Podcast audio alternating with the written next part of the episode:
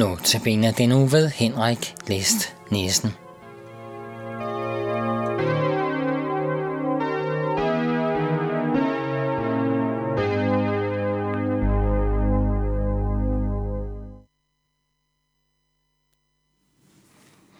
Velkommen til Notabene. Vi skal lytte til Hymn for the Lover.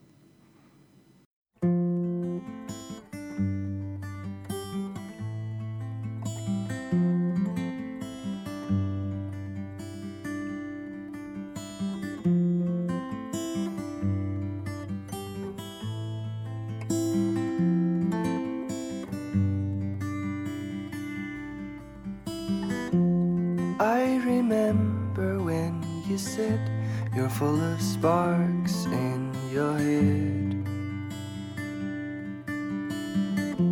Your words were fireworks in me. I saw my firework in you. I thought your skin was like a veil concealing hope and fairy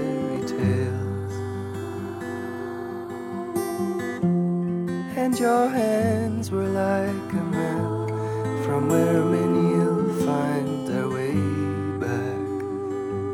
At least I did. Through fire, through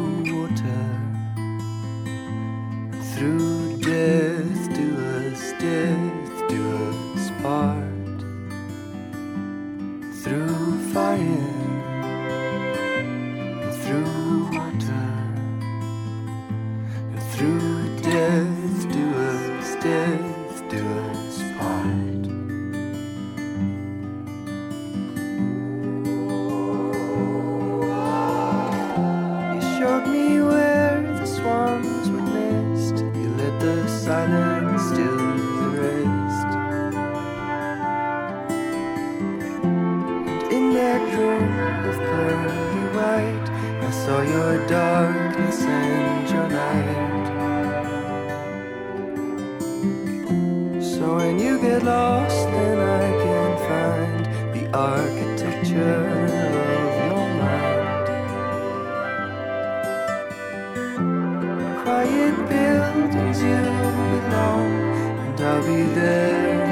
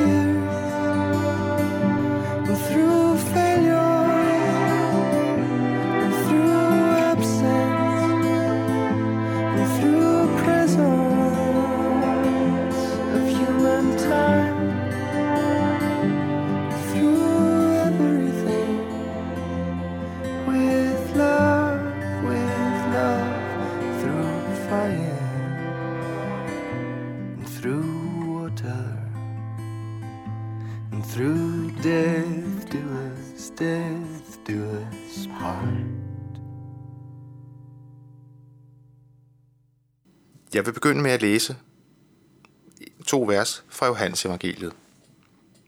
Ved forporten i Jerusalem er der en dam, som på hebraisk kaldes Bethesda. Den har fem søjlegange. I dem lå der en mængde syge, blinde, lamme og kryblinge, som ventede på, at der skulle komme bevægelse i vandet. Til tider får Herrens engel nemlig ned i dammen og bragte vandet i oprør. Den første, der kom ned i vandet, efter det var bragt i oprør, blev rask, hvilken sygdom han end led af. Du har lige lyttet til indledningen til en fortælling i Johannes evangeliet, hvor Jesus helbreder en lam mand. I går fortalte jeg, at Bethesda for længst er udgravet.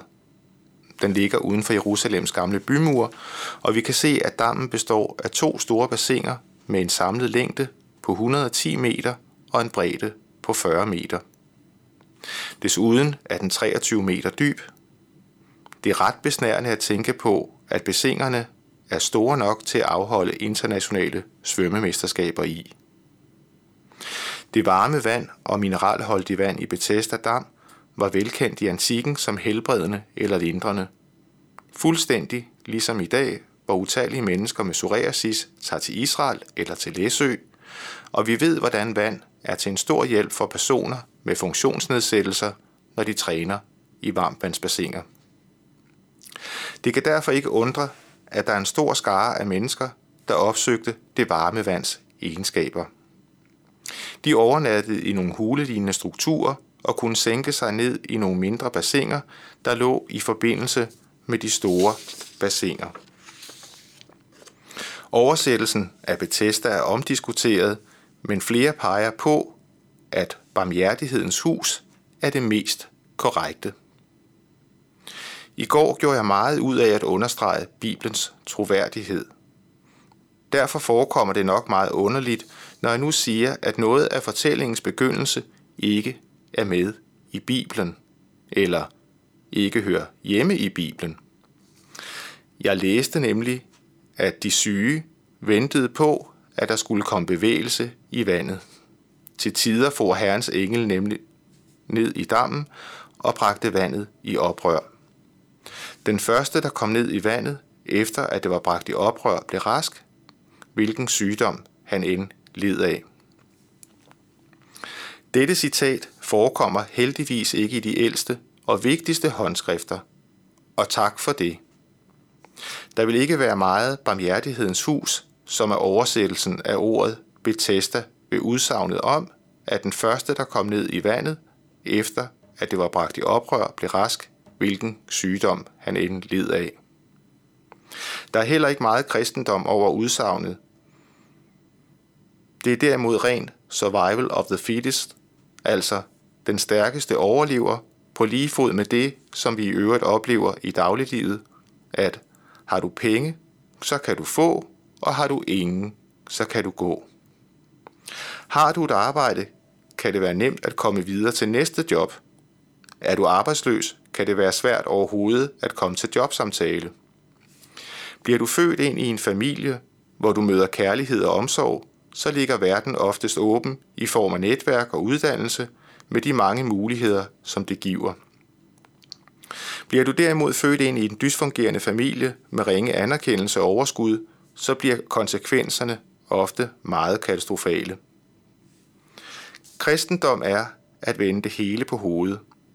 Det er nemlig barmhjertighedens hus, eller noget, for nu at bruge et gammelt ord. Kristendom er, at det ikke går os efter fortjeneste, at det ikke er den stærkeste, der overlever. Kristendom er ikke, at det gælder om at være et pænt menneske, der handler moralsk rigtigt i et og alt, der svarer enhver sit, holder sig til den samme partner hele livet, som aldrig skærer ud og som er uangribelig i et og alt. Kristendom er derimod at have brug for Jesus som ven, fordi jeg ikke kan leve op til de krav, som jeg og omverdenen stiller til mig.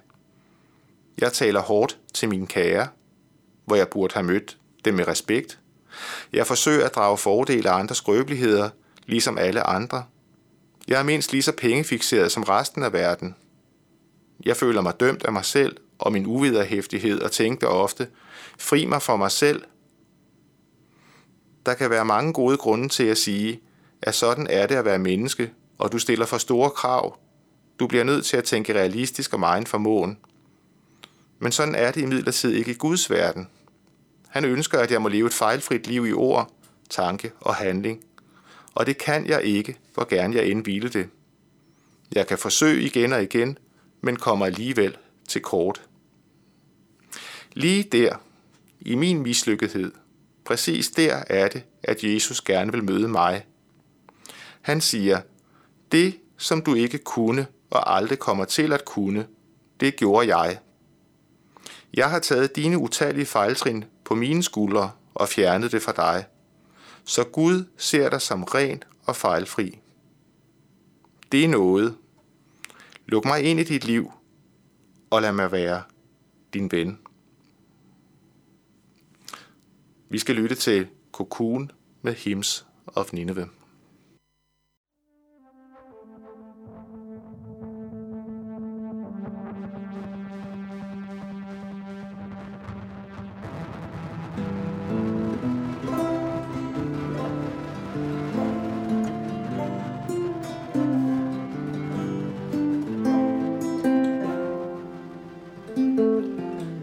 Spent the night in the forest. You were shining when I cried, when I cried. Oh, where is the light? I spent all day in my mindscape. You were with me when I wept, when I wept. You watched me when I slept.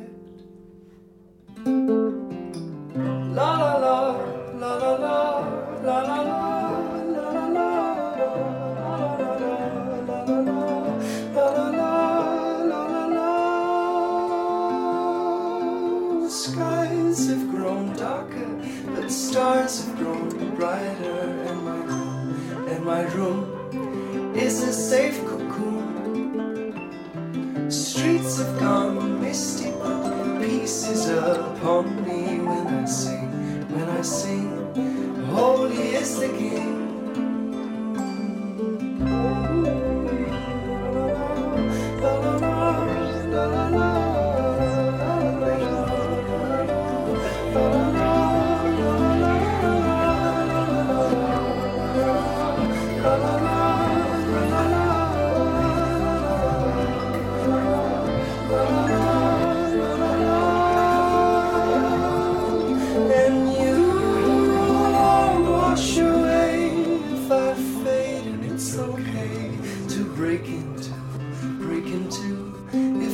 Breaking into you,